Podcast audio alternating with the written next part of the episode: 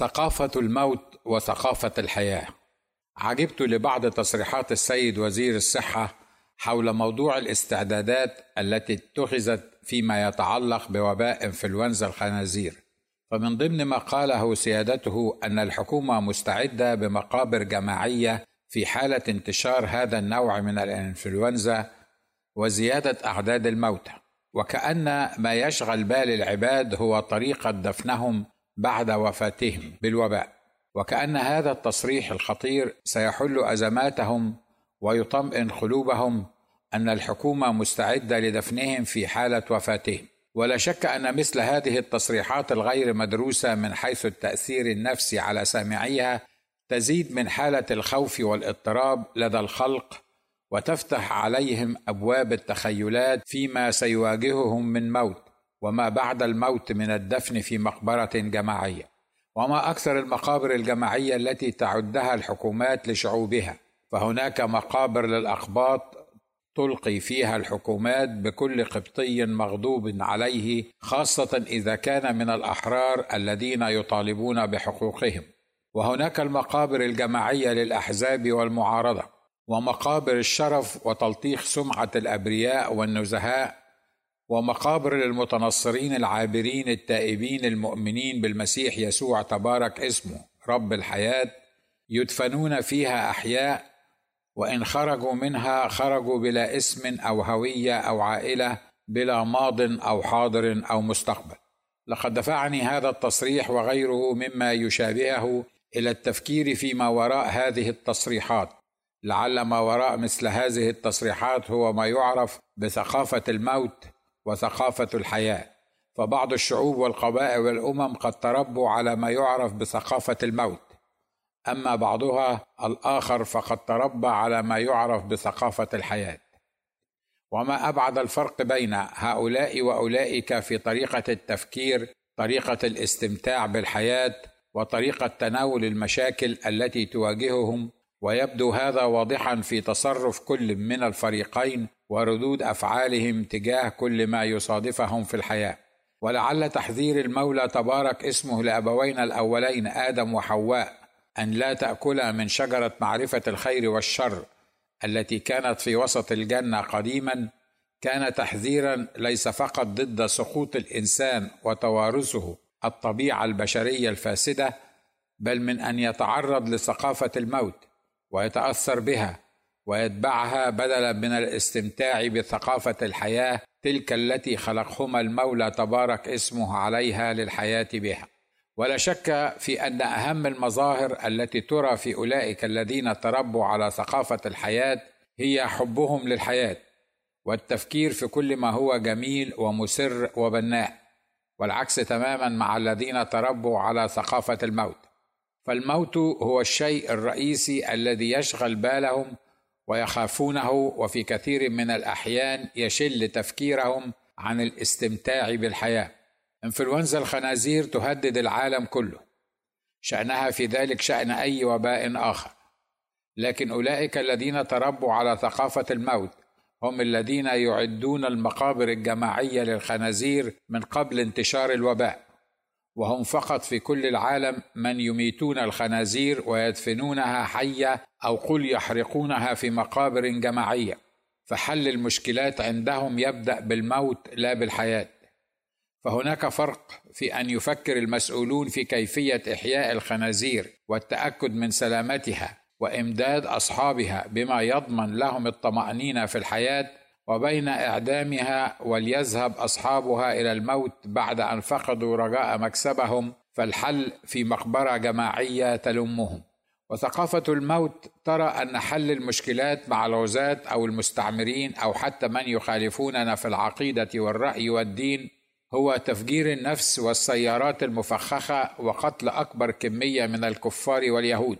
ويتضح هذا جليا في رد فعل بعض العامة في كثير من الأخطار الإسلامية ردا على نشر الدنمارك لما اسموه المسلمون الرسوم المسيئة الكاريكاتيرية لنبيهم. خرج الناس في ماليزيا وإندونيسيا وغيرها يكسرون المحلات التجارية ويحرقون السيارات ويعتدون على المارة الذين لم يكن من بينهم دنماركي واحد. لكن جميعهم مسلمون. فما هو التفسير المقنع لهذه التصرفات؟ هو أن هؤلاء الناس قد تربوا على ثقافة الموت.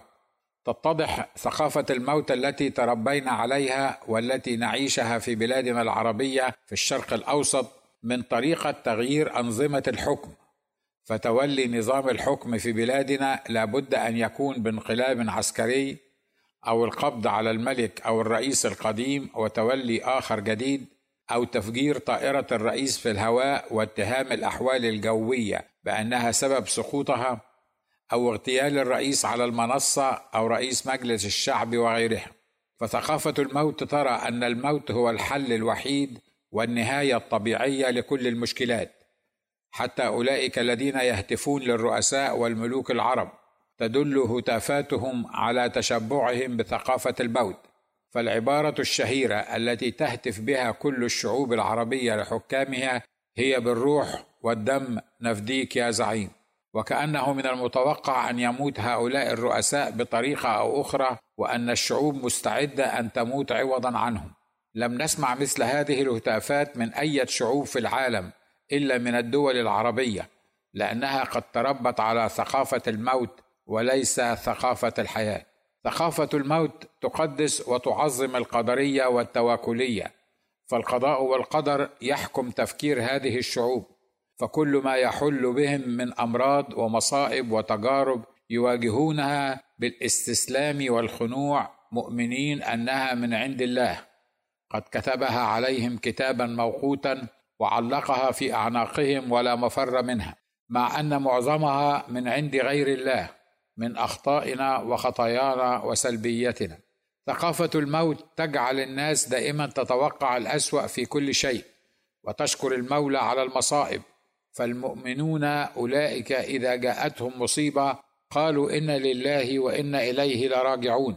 فمريض السرطان في الدول التي تربت على ثقافة الموت بمجرد تشخيص مرضه تجد العائلة كلها جاءت من كل أنحاء العالم لتلقي عليه النظرة الأخيرة ويبدأ هو في التقوقع والاستسلام وتتوقف الحياة بالنسبة له ولمن حوله.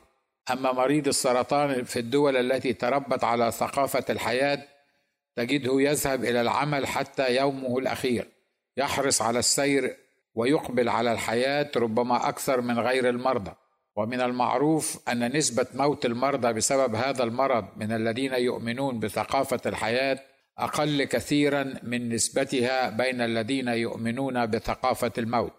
الإعاقات الذهنية أو الجسمانية أو النفسية عند المعوقين الذين يسيرون وفقا لثقافة الموت تجعل منهم عبئا على أنفسهم وغيرهم وتحولهم إلى كم مهمل ينتظر الموت لينهي صراعه ومعاناته.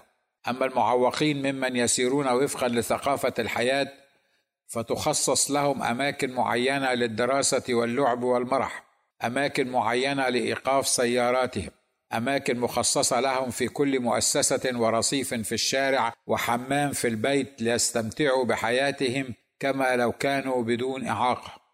ثقافة الموت تقطع الأشجار الخضراء وتجرف الأرض الزراعية وتطمس معالم النيل وتلقي به الحيوانات النافقة. وتبني على ضفافه ناطحات السحاب. تبني المدن الساحلية الجميلة تحييها كأنها عروس مزينة لرجلها ثم تميتها في سنوات معدودات. أين هي معظم القرى السياحية التي بنيت في الساحل الشمالي اليوم؟ مما كانت عليه وقت بنائها أما ثقافة الحياة فتحافظ على الورود والأشجار وتجرم قاطعيها حتى لو كانت ملكهم.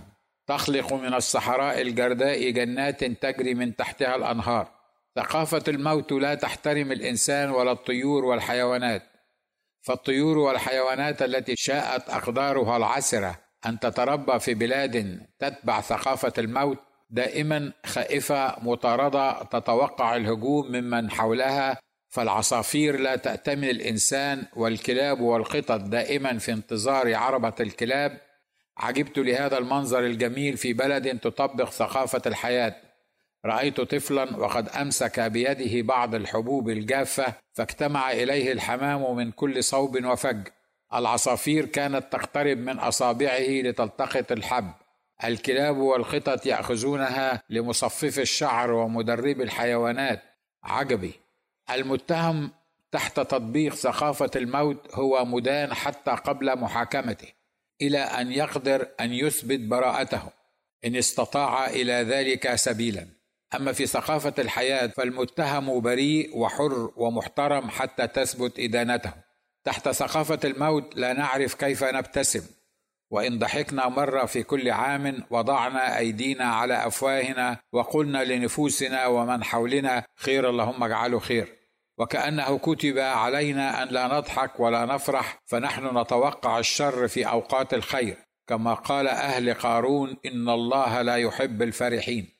إن الذين يمارسون ثقافة الموت تمتلئ حياتهم بالخوف من الموت وتوقعه كل حين ويعيشون في تصورات مما يحدث معهم في الاخره من عذاب القبر والنار. والملائكة المحاسبة والثعابين الزاحفة والرصاص المحمى لدرجة النار الذي يصب في آذانهم. كما تمتلئ حياتهم بالأمثلة والأقوال التي تربطهم بالموت أكثر من الحياة. هم دائما يرددون عبارات مثل الموت سترة الموت علينا حق كل نفس ذائقة الموت. واينما تكونوا يدرككم الموت ولو كنتم في قصور مشيدة.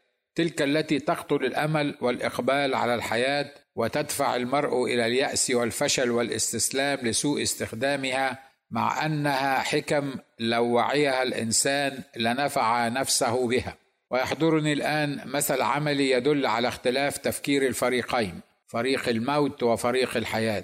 فلقد ذهبت مع صديقي الذي كانت والدته قد لفظت أنفاسها الأخيرة في إحدى مستشفيات ولاية كاليفورنيا لنعد لدفنها في مسوى جسدها الأخير. كان صديقي في غاية الحزن والألم. ذهبنا للمكتب الذي كان سيقوم بإجراءات الدفن. قابلنا موظف أنيق قدم لنا الماء المثلج. أبلغناه بمأساتنا وطلبنا مساعدته. فتح الموظف درج مكتبه وأخرج لنا كراسة كانت تحتوي على العديد من الأسئلة. والمفروض من خلال الإجابة عليها أن نكون قد وصلنا لاتفاقنا مع الموظف على كل ما تحتاجه جنازة ودفن والدة صديقي. كانت هذه هي المرة الأولى التي أتعرض فيها لمثل هذا الموقف. بدأ الموظف في الأسئلة عن نوع الصندوق الذي نريده لدفنه. لونه إن كانت قمته زجاجية مكشوفة أم خشبية. ما نوع القماش الذي سنلف فيه الوالدة؟ وما هي مواصفات القبر؟ هل هو قبر يحوي شخصا واحدا أم شخصين؟ ثم سألنا هذا الموظف سؤالا كان لابد لنا من الاستفسار عن معناه. سألنا الموظف هل تريدون القبر من قبلي أم من بحري؟ قلت لنفسي ما هذا السؤال الغبي؟ ماذا سينتفع المقبور إذا كان قبره من الجهة القبلية أم البحرية؟ هل يتأثر بدرجة الحرارة؟ هل يتأثر بتيار الهواء أو رطوبة الجو؟ نظرت لصديقي وقلنا للموظف ولا مؤاخذة ماذا سيفرق مع المتوفي لو كان قبره قبلي أم بحري؟ ابتسم الموظف وقال بعض الأهالي احتراما وحبا منهم لذويهم يصرون على دفنهم في الهواء والنسيم العليل وكأنهم يدفعون لهم تشكراتهم على ما بذلوه لأجلهم في حياتهم. قلنا لسعادته شكرا بارك الله فيك. ثم أكمل الموظف سؤالنا ما هي الورود التي تريدون أن تضعوها على الميتة وما هي أعدادها؟ في كل مرة كنت أستمع فيها لواحد من هذه الأسئلة كنت أنظر لصديقي المتألم ونكاد نبتسم لنوعية هذه الأسئلة إلى أن جاء السؤال الذي كان كالقشة التي قسمت ظهر البعير. سأل الموظف صديقي إذا كان يريد أن يضع مكياجا لوالدته أم يدفنها بدون مكياج. وعندها لم نتمالك أنفسنا من الضحك بصوت عال كلانا. وقال صديقي للموظف أنا جاي علشان أدفن أمي اللي ماتت مش علشان أجوزها علشان تسألني على المكياج. خرجت من مكتب الإعداد للجنازات وقلت في نفسي هؤلاء الناس يعيشون تحت مبدأ ثقافة الحياة حتى وهم يتعاملون مع الموتى. لقد ظهرت عبارات الحياة والحب والرجاء والأمل في تنزيل الحكيم العليم الكتاب المقدس أكثر بكثير من عبارات الموت واليأس والفشل.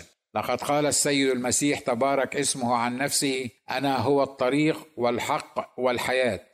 أنا هو القيامة والحياة. من آمن بي ولو مات فسيحيا. وكل من كان حيا وآمن بي فلن يرى الموت إلى الأبد. مكتوب عنه تبارك اسمه. أنه لم يكن ممكنا أن يمسك من الموت وأنه أقامنا معه وأجلسنا معه في السماويات. قال أيضا أنا حي فأنتم ستحيون. وخرافي تسمع صوتي وأنا أعرفها وأنا أعطيها حياة أبدية. وقيل فيه من له المسيح فله الحياة ومن ليس له المسيح ليست له الحياة. لم يسمح تبارك اسمه لبطرس تلميذه أن يستخدم السيف في الدفاع عنه. فالسيف آلة الموت لا يستعملها إلا من اختاروا ثقافة الموت في الدفاع عن أنفسهم أو مهاجمة أعدائهم أو حتى من وضعوه كجزء من أعلامهم وثقافتهم.